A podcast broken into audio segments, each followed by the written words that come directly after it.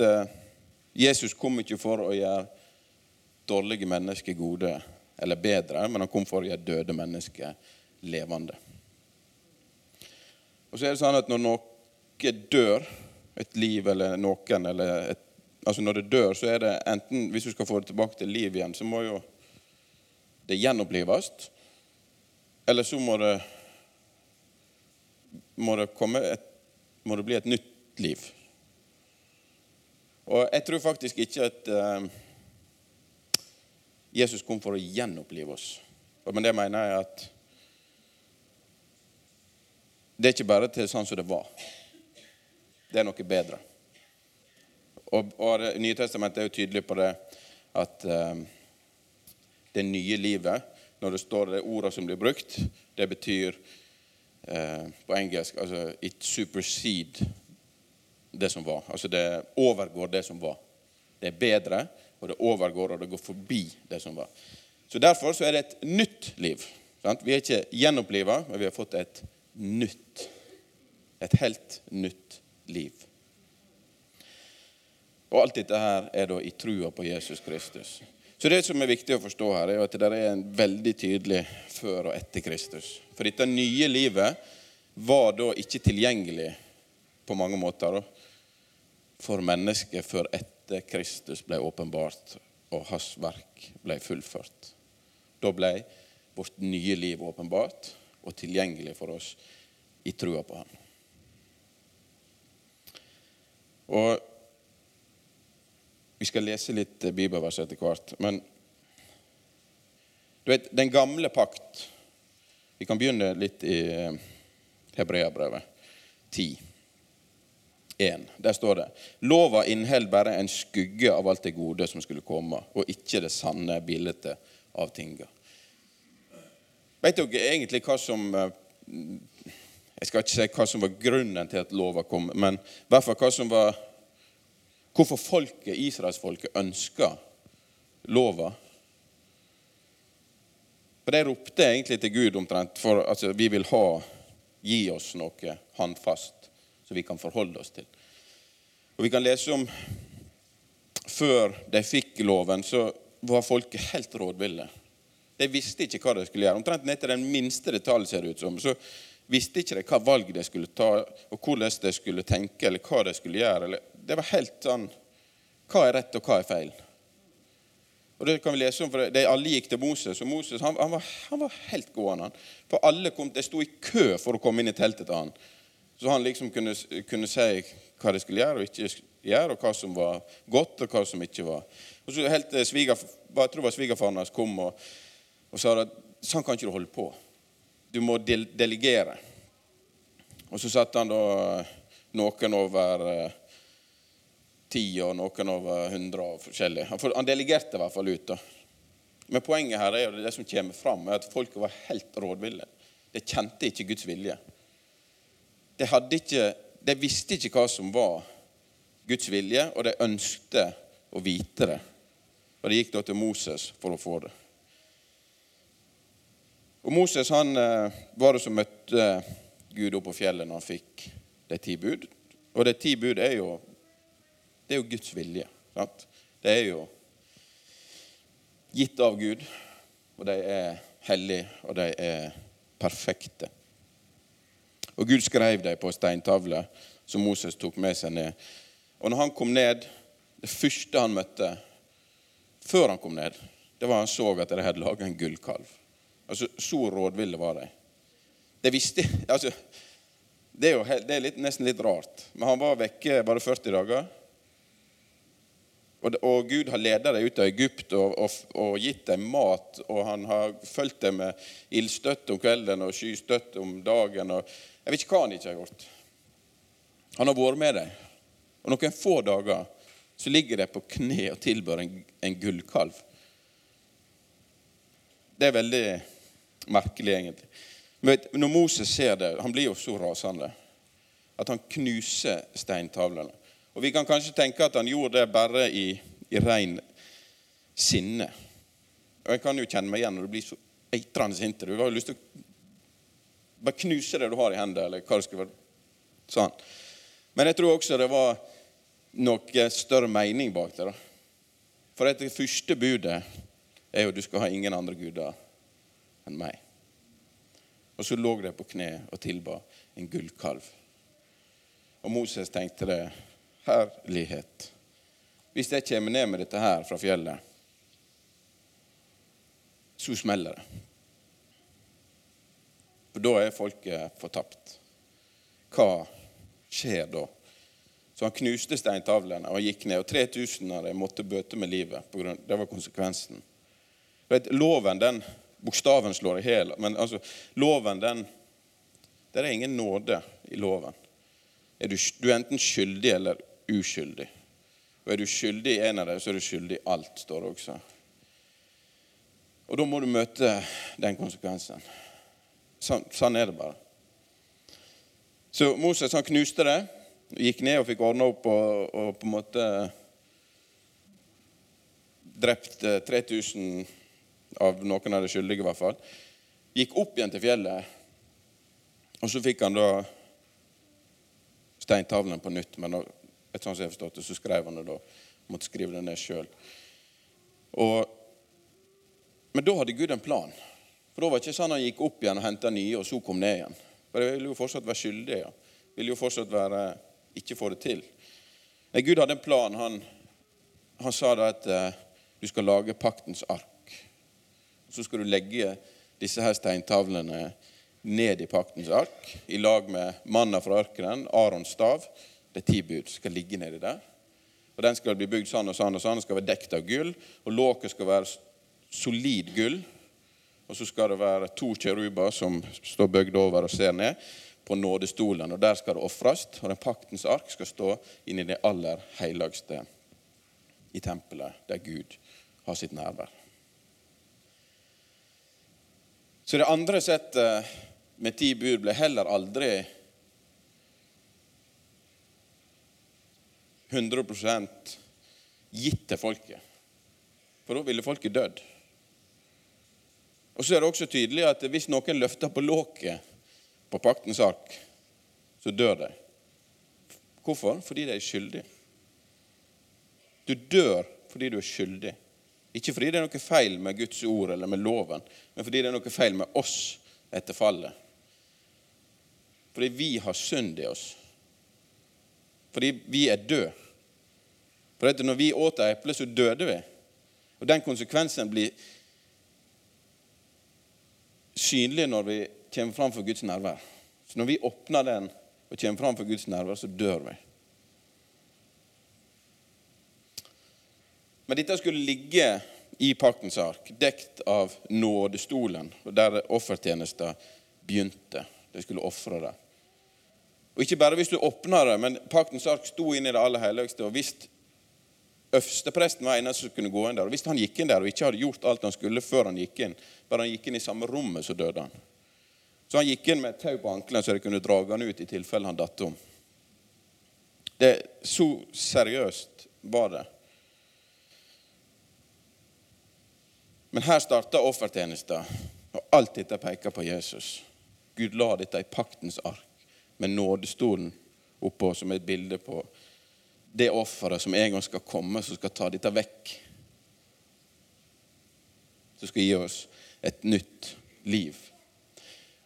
Og etter dette her, du vet, Når israelittene da slo leir etter hvert som de vandra, så kan du lese om hvordan de slo opp hva stamme som eh, slo opp leir eh, i den retning og den retning, og hvor mange det var. Hvis du da tegner det ned, så får du et kors, og det er telthelligdommen. Første tempelet, da kan du si var plassert midt i korset. Det var måten de skulle slå opp leir rundt når de vandra.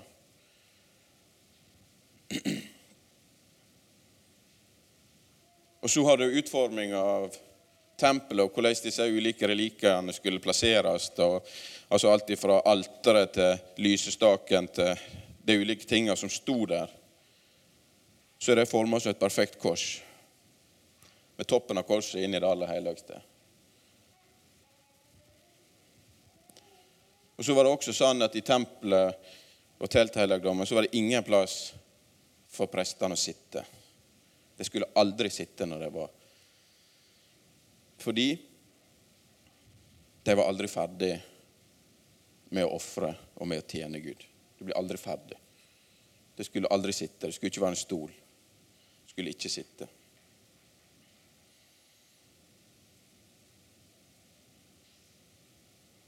Så det er tydelig her, altså fra den gamle pakta, den gamle ordninga, den gamle avtalen som var med Gud, så kommer det veldig tydelig fram at vi som mennesker egentlig er, vi er døde. Men Gud har en plan, og han har valgt å innsette en offertjeneste som er et bilde på et offer som en gang skal komme, som skal ta vekk alt. Men offertjenesten som var satt inn da, den kunne fungere så han kunne dekke til synder. Man kunne ikke ta det vekk, men han kunne dekke det til.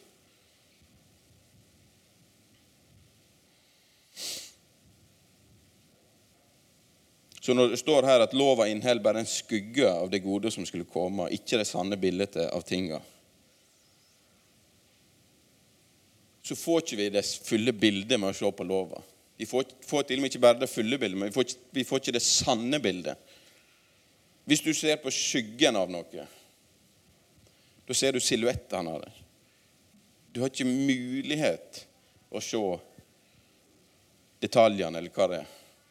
Du kan stå og lage forskjellige figurer med fingrene og få en skygge som ser ut som masse rart. Men du, det er ikke alltid du klarer å se at det er ei hende som står bak det. Eller hvem som lager det, eller hvordan det ser ut. Eller se den virkelige sannheten når du ser bare en skygge. En skygge kan til og med være tusen ganger større enn den tingen som lager skyggen. og den kan være mindre. Så det å forstå ting ut ifra en skygge kan være vanskelig. Men nå når Jesus er blitt åpenbart for oss, så kan vi se hva det var for noe. Så står det videre her i Hebreabrevet. Hvert år så blir det båret fram offer som alltid er det samme. Men det makter ikke Men det men med dem makter ikke lova å gjøre de som ofrer, fullkomne. Vet, I lova så er det ingen kraft til å gjøre noen fullkomne. Der er det enten så er du fullkommen fordi at du gjør ikke noe imot lova, eller så er du ikke fullkommen fordi du har gjort noe imot den. Så lova i seg sjøl er bare på en måte fakta av hvem Gud er og Guds vilje, men den har ikke, den har ikke kraft i seg sjøl til å gjøre oss fullkomne eller rettferdige. Eneste måten vi kan være rettferdige for lova, er at du allerede er rettferdig. For Hvis du allerede har vært skyldig en gang, så kan du aldri bli, det, bli rettferdig igjen. På samme måte så hvis du vil ha en gjennomsnittsfart på 100 km i timen, men du begynner på null, så kan du aldri nå gjennomsnittsfart på 100 km i timen. Du vil alltid kanskje nærme deg, du vil alltid komme nærmere, men du vil aldri nå det. Det går ikke. Det er umulig. Og Sannheten her er at det er ingenting feil med lova, men feilen er med oss.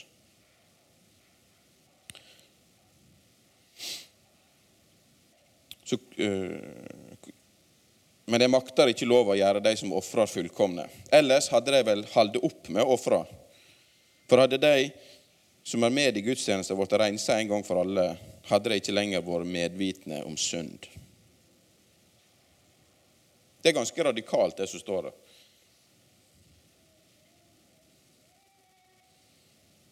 For Hvis det hadde vært, det står egentlig, hadde vært et offer som var godt nok en gang for alle, så hadde de vel slutta å ofre.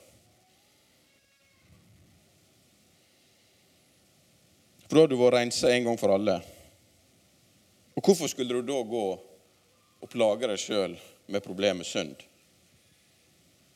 Hvis det var et offer som en gang for alle tok vekk all synd, fortid, nåtid og framtid. Hvis det fantes et sant offer, og du hadde det, og du ofra det, og gikk derifra, hvorfor skulle du da tenke på synd igjen? Er det han skriver her? Men ofra er hvert år en påminning om synd, for blod fra okser og bykker kan umulig ta bort synder. Derfor sier Kristus når han stiger inn i verden, slakteoffer og offergave ville du ikke ha. Men en kropp lager du til meg. Brennoffer og syndoffer hadde du ingen glede i. Da sa jeg, se, her kommer jeg for å gjøre din vilje. Din vilje, Gud. I bokrullen er det skrevet om meg. Først sier han, slakteoffer og offergaver, brennoffer og syndoffer ville du ikke ha, og hadde du ikke glede i. Enda det er, slik, enda det er slike offer som blir båret fram etter lova. Deretter sier han, Se, her kommer jeg for å gjøre din vilje. Han opphever det første, så han kan sette det andre i verk. På grunn av denne viljen er vi helga ved at Jesu Kristi kropp ble båret fram som offer en gang for alle.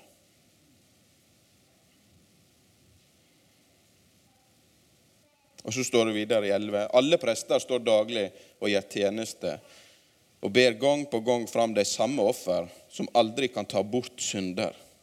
Men Jesus har for alltid båret fram ett eneste offer for synder og sett seg ved Guds høyre hand. Så Jesus er det offeret som Gud hadde behag i, som var etter Guds vilje, der han bar seg sjøl fram og døde for oss. Ett offer én gang for alle mennesker.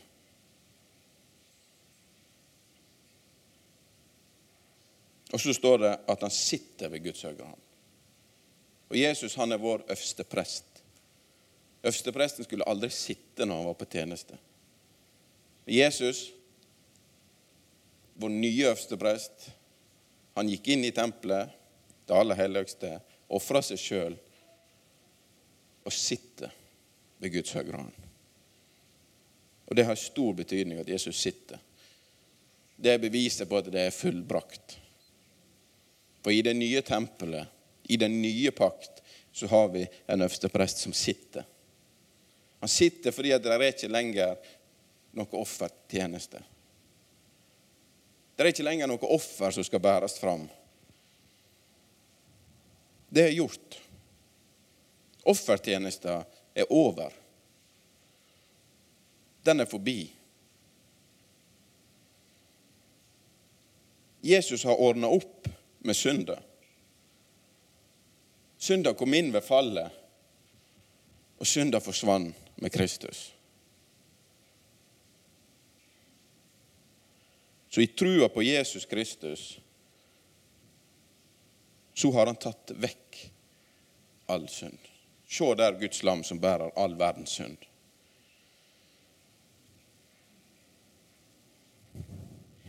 Om du vier livet ditt til å synde, så er det ikke noe synd som ikke allerede ligger på Kristus.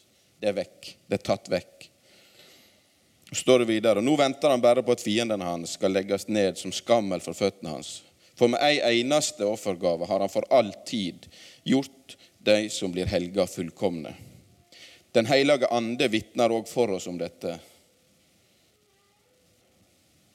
med ett, igjen, så Han gjentar seg her. da. Med ett offer så har han for alltid gjort de som blir helga, fullkomne. Vi som tror. Og så sier han og Den hellige ande hjelper oss og skal også vitne til oss om denne sannheten. At det er ett offer én gang for alle mennesker.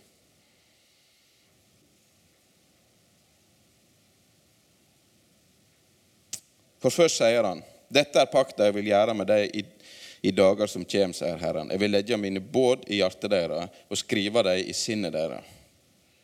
Og så, jeg vil ikke lenger huske syndene deres og all uretten deres. Og Her kan du kanskje fort der bli alt punktert, og du detter rett tilbake igjen. Oi. Ok, vi får en ny start, og så skal han legge båda på hjertet vårt, og så nå må vi leve opp til det. Men vi har ikke bare fått en ny start, vi har fått et nytt liv. Og Guds vilje, den ligger i våre hjerter. Hva heter han eh, Han messianske jøden som har vært her flere ganger? Ronny Kay. Han sa jo det at ordet som blir brukt ofte, eller som blir brukt her med 'jeg vil legge mine båd i hjertet deres', kan du like godt si 'jeg vil legge, legge min vilje i hjertet deres'. Gud vil legge sin vilje i våre hjerter for at vi skal kunne gjøre etter hans gode vilje. Men så sier han jeg vil ikke lenger huske syndene deres og all uretten deres. Og der syndene er tilgjevne, trengs det ikke lenger noe offer for synd. Det er ekstremt radikalt, det som står her. Og i hvert fall hvis du tenker det som forfatterne av Hebreerbrevet skriver til, som er jødekristne. Det er Jeg tipper det var flere der som datt av stolen. Altså, det, det, det snur opp ned på alt. Men det viktige her, og det som jeg vil få fram, er det at det, det er et nytt, det er et nytt liv. For vi lever jo ofte i våre følelser. Vi er i hvert fall påvirka av det. I hvert fall er jeg det veldig. Og jeg føler ikke alt Altså Jeg føler jo meg, kan jo føle meg som verdens største synder og alt mulig. Men du vet, mine og dine følelser er jo ikke sannhet. Jeg tipper sikkert alle av oss her har en eller annen, for en fryktfølelse som er fullstendig irrasjonell. Jeg liker ikke karuseller. Og det er jo ikke bare fordi jeg ikke liker det, men det, det vil ikke. Det kan jo, Alt som helst kan skje på en karusell. Men det er jo ikke rasjonelt nødvendigvis. Sant? Men det er jo veldig sterk følelse på at det her Eller bekymring, da. Hvor ofte bekymrer ikke du deg? Du kjenner en følelse av at, og nesten sånn at nå, nå må jeg bekymre meg, ellers går ikke det bra. Men vår bekymring har jo altså, hva, hva, gjør den? Men det er jo en følelse som er veldig ekte og veldig Du kjenner jo veldig på den. Så var det, han, det var Joseph Prince som sa um, Du føler deg deprimert. Derfor er du det. Tenk på den. Og det gjelder jo veldig mange ting. Og i dag så er det jo med unge, eller generelt folk som blir deprimerte eller psykiske Altså alle mulige sånne her vonde følelser og tanker. Det går rett til himmels med folk som sliter med det. Og det er jo fordi at du kjenner på det. Man skal jo ikke tulle med det at folk ikke kjenner på det. For det, det gjør en, og det er ekte, og det, det er tøft. Men du føler det, og derfor er du det.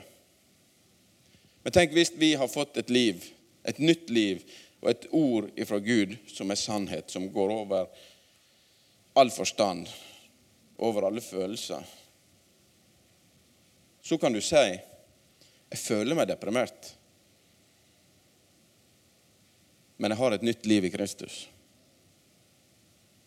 For vi har et ord der vi kan svare våre følelser med. Jeg føler meg langt vekke fra Gud, men Gud sier han er nær. Jeg føler at det er tungt, men Gud sier han er med meg. Skjønner dere?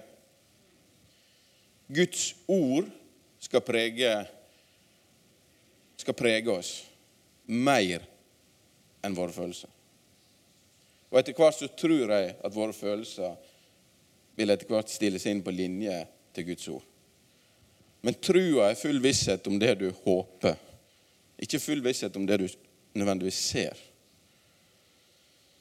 Så her trua kommer inn i bildet. Og ikke bare trua, men Guds ånd vil også hjelpe oss til å se disse tingene og til å holde fast på det. For trua er også en gave fra Gud. Det at vi får lov å ta ned Guds sannhet og Guds ord midt i det vi står i. Og det er noe vi må bruke i vår hverdag som truende. Jeg føler meg sånn, men Gud sier. Og Da skal ikke du bare kaste vekk følelsene dine nødvendigvis, og, og på en måte se ned på at du føler det sånn. Men en skal være ærlig, og en skal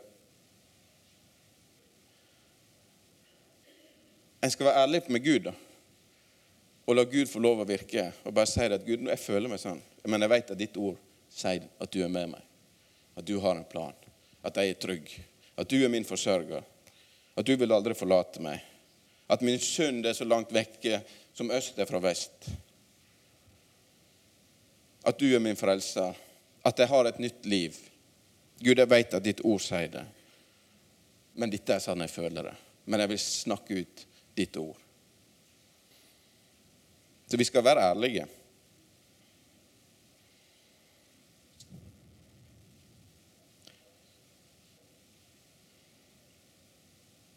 Så har vi da Vi leser videre vers 19. Det blir litt Bibel, men det tåler vi. Så har vi da, søsken, frimod ved Jesu blod til å gå inn i helligdommen. Tenk å få høre dette fra en jødekristen. Altså, har, du, har du frimodighet til å springe rett gjennom tempelet inn i det aller helligste, forbi forhenget, da har du frimodighet. da. Og det, det var ikke snakk om. Øverstepresten, Det var én gang i året han gikk inn der. Og da var han ganske Jeg tror ikke han sov så godt natta før han skulle gå inn. sikkert. Og Hvis du har den frimodigheten at du kan gå rett inn til det aller helligste, da har du en frimodighet som vi tror jeg sliter med å forstå. Dit han har innvigd en ny og levende vei for oss gjennom forhenget, som er kroppen hans. Så vår vei inn dit, til der Gud er, det er Jesu kropp og liv. Ingenting av dette her er utenfor Kristus. Alt er i Kristus, i trua på Han og det Han har gjort, at Han er Guds sønn. Han døde for våre synder og sto opp igjen. Der er det nye livet. Det er der dette her trer i kraft. Og siden vi har en så stor prest over Guds hus, så la oss stige fram med ærlige hjerte og full visse i trua. Sånn, du vet, Første gangen i Bibelen der Bibelen omtaler hjertet det, jeg tror det er ganske tidlig i første Mosebok, så blir det omtalt i lag med vår fantasi og følelser. Så vi skal være ærlige i hjertet og våre følelser, men vi skal ha full visshet i trua. Og det er det jeg snakker om. Vi skal være ærlige med hvordan vi har det, men vi skal ha ei tru som er en full visshet om at Guds ord er sant, og at vi kan få lov å snakke det ut i vår hverdag der vi er, og at Gud skal virke i oss. Med hjertet rensa for vondt samvitt og kroppen bada i rent vann. For hvor mange av oss er ikke det som går rundt med dårlig samvittighet? En dårlig samvittighet over Dette er jo hovedsak mellom Det er snakk om en dårlig samvittighet mellom deg og Gud. At du er ikke god nok, eller nå har du gjort det eller det eller det. Men du vet, i Kristus så har du rett på en god samvittighet. Ikke pga. det du har gjort eller ikke gjort, eller den du er, men du har rett på en god samvittighet på grunn av hvem Jesus er. Jeg har en god samvittighet framfor Gud fordi Jesus døde for meg, og han er mitt liv. Derfor har jeg god samvittighet. Jeg feiler. Jeg tenker feil. Jeg gjør feil. Jeg er ikke god nok. Men jeg er død. Det er realiteten. Og så har jeg et nytt liv, og mitt nye liv, det er Kristus. Jesus er mitt liv, og han er også ditt liv i troa på han. Han er vårt liv. Så når vi kommer framfor Gud, så kommer vi framfor Gud i Kristus. I Jesus som er vårt liv, der har du god samvittighet. Og Dåpen også blir jo sett på som en god samvittighetspakt. Fordi at der er det bevis på at du dør med Kristus, og så blir du oppreist til et nytt liv. Og I det nye livet så er det god samvittighet. Det står flere plasser i Hebreabrevet om at vi kan ha en god samvittighet. Og la oss holde urokkelig fast på vedkjenninga av vona. For Han som gav lovnaden, er trufast. Og la oss ha omtanke for hverandre, så vi oppgløder hverandre til kjærleik og gode gjerninger. Og la oss ikke holde oss borte når forsamlinga vår kommer sammen, som noen har for vane. Vi skal holde urokkelig fast på den sannheten og det håpet som vi har. Og vi skal ha omtanke, og vi skal samles sånn som vi gjør her, for å bygge hverandre opp i den sannheten som er Kristus, som er mysteriet om hvem han er. Og vi skal sette mot i hverandre. Og det, og det er så mye mer som det ser dagen nærmer seg, står det. Det er så viktig. Jeg vil også lese fra Romerbrevet 6, 10. Døden han døde, den døde han for synder en gang for alle. Men livet han lever, det lever han for Gud. På samme måte skal det rekne dere som døde for synder, men levende for Gud i Kristus. Og så står det:" Lat da ikke synda rå i den dødelige kroppen deres, så det gjev etter for lystene i denne kroppen. Og byd ikke lemmene deres fram til tjeneste for synda som våpen for uretten. Men by dere sjølve og lemmene deres fram til tjeneste for Gud som våpen for det som er rett. For det var døde og har fått liv. Synder skal ikke være herre over dere, for det er ikke under lova, men under nåden. Hvorfor skal ikke synder være herre over oss? Jo, fordi vi er ikke under lova. Under lova så er synden herre. Hvorfor? Hvorfor har synder makt når du ser deg sjøl under lova? Jo, fordi at du er ikke god nok. Fordi at lova dømmer deg. Fordi at du kan aldri nå opp til lovas krav. Derfor vil synda alltid ha overtaket på livet ditt. Du kan aldri vinne over synd. Du har ikke sjans. Du kan ikke. Du har tapt. Under lova er det ingen håp, og synda vil alltid ha overtaket på deg. Du kan tenke jeg skal skjerpe meg, jeg skal få det til, jeg skal klare det. Det skjer ikke. Synda har alltid overtaket. Ligger ti steg foran deg. Du har ikke mulighet. Men vi er under nåden. I nåden som er Kristus. Sannheten og nåden kom ved Kristus. Sannheten er nåden. Der så har ikke synda makt. Hvorfor? Hva skal han anklage deg med? Djevelen blir kalt anklageren. Hvis vi står under nåden, hvis vi er i Kristus, hvem skal anklage deg?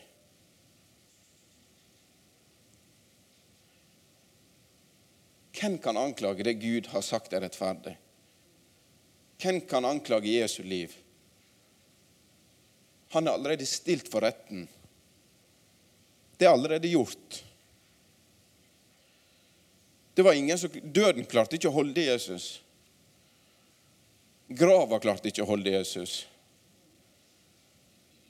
Korset er tomt, grava er tom. Døden er beseira, djevelen er beseira, synda er beseira. Han er seiersherre, og han er vårt liv. Det er sannheten om Kristus. Derfor har ikke synda makt over oss. For den kan ikke anklage oss. For vi er rettferdige i Kristus, vårt liv. Der er det vi står i dag etter Kristus. Det er vår tru, det er vårt håp, det er vårt liv. Derfor må vi samles. Derfor har vi noe å fortelle folk. Ikke fordi vi er så flinke, eller jeg står ikke her fordi jeg er flink. Jeg står her fordi jeg tror på Jesus. Og fordi at synda har ingen makt over meg, for jeg er i Kristus. Og det har han heller ikke over deg. Dine følelser kan si det motsatte. Du kan oppleve til og med det motsatte. Men Guds ord trumfer alt. Guds ord er sannhet. Og vi må begynne å si, snakke, snakke sannhet i vår hverdag, i våre liv og til hverandre. Og det er ikke å dømme folk nord og ned. Det er å løfte opp Jesu navn og det han har gjort. Og da kan alt skje. For Gud har tatt bolig i oss. Lovsangteamet kan komme opp. Men det er der vi står, og det er et nytt liv. Det er det som er så viktig å forstå. Det livet vi nå har, alt springer ut ifra dette nye livet som Jesus har gjort mulig i trua på Han. Vår tjeneste, vår, alle våre gaver, alt vi skal virke, alt vi skal gjøre. For vi skal gjøre masse. Og vi skal gjøre gode ting. For det at Gud har lagt det ferdig for oss til å gå i, i Kristus. Og fordi Han har satt oss i stand til å gjøre det, så skal også gjerningene følge de som tror. For vi har noe som er større enn denne verden, som bor i oss, og som virker, og som skal være synlig. Men det blir ikke synlig hvis ikke vi kan holde fast på den sannheten om hvem vi er. Sjøl om du står midt i noe som sier det motsatte, så er det sannheten som er størst. Og det er Guds ord.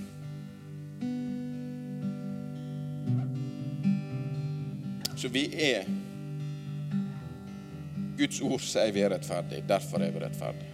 Det er ikke sånn som en følelse. Du føler deg deprimert. Derfor er du det. Du er rettferdig fordi Guds ord sier du er rettferdig.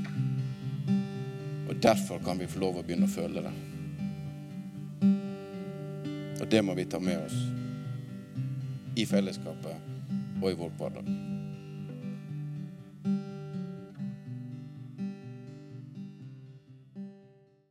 Takk for at du hørte på. Har du spørsmål eller ønsker å koble deg på kirka, ta kontakt på mail eller gjennom vår nettside. Håper du vil høre på neste uke også, eller at vi sees på gudstjenesten.